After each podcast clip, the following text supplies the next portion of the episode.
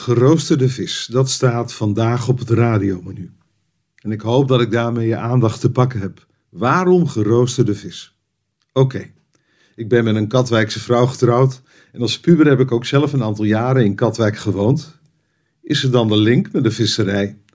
Dat is het niet. Die geroosterde vis in dit toespreekje komt ergens anders vandaan.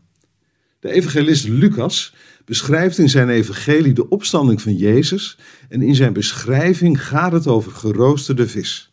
Dat zit zo. In zijn verslag over Pasen beschrijft Lucas het lege graf en de verwarring die dat oproept.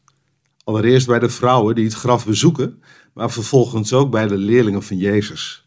En er worden grote woorden gebruikt: ongeloof, kletspraat en ook verwondering, maar dan weer verbijstering en zelfs angst als Jezus plotseling in hun midden aanwezig is. Dat klinkt als een rollercoaster aan emoties. Het is nauwelijks te vatten. En eigenlijk vind ik het prettig dat het op deze eerlijke manier beschreven wordt.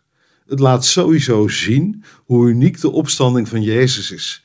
Dit stond ook toen al buiten de normale werkelijkheid. En dan komt dus dat geroosterde visje in beeld. Lucas beschrijft dat sommige leerlingen dachten een geest te zien toen Jezus in hun midden verscheen. Die verklaring was misschien wel makkelijker te begrijpen.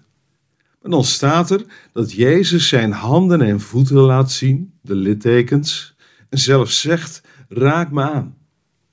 En daarna lees je dus dat hij een stuk geroosterde vis had. Zo van: Dan moet het toch wel duidelijk zijn dat ik lichamelijk aanwezig ben, niet als een geest. Dat geroosterde visje staat voor de realiteit van de lichamelijke opstanding van Jezus. Anders gezegd, een bevrijdende realiteit is doorgebroken. Een nieuwe werkelijkheid is zichtbaar. Beschrijvingen over Jezus na zijn opstanding laten iets zien van deze nauwelijks te vatten realiteit. Het is allemaal net even anders, ook dat, maar nog steeds Jezus. Hij eet met smaak een visje. En dan blijkt dus, de dood is verslagen. Het leven heeft overwonnen.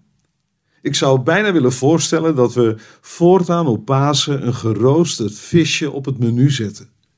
Dat klinkt ook veel beter dan die gekke paashaas. De boodschap is helder. Hij is opgestaan. Ga ik voor jou misschien te kort door de bocht? Dat kan.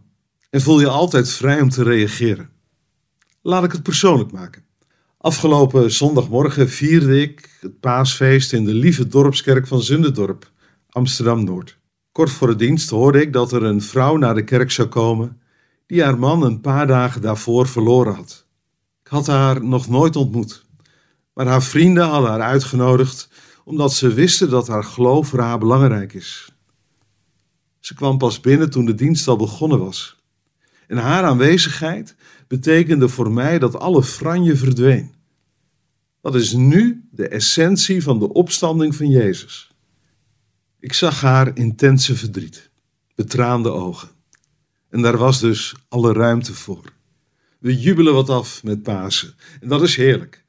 Maar het neemt niet weg dat we ook de pijn en het verdriet een plaats geven, eerlijk benoemen. Maar het was vooral ook ontroerend om hoop en geloof te delen.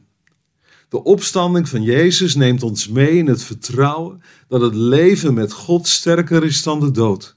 Dat we veilig zijn in Zijn hand. Sterven als thuiskomen. En het was zo bijzonder om elkaar aan te kijken en deze hoop vast te houden. Jezus leeft en ik met Hem. Zo zingt dan een oud lied. Dood, waar is uw schrik gebleven?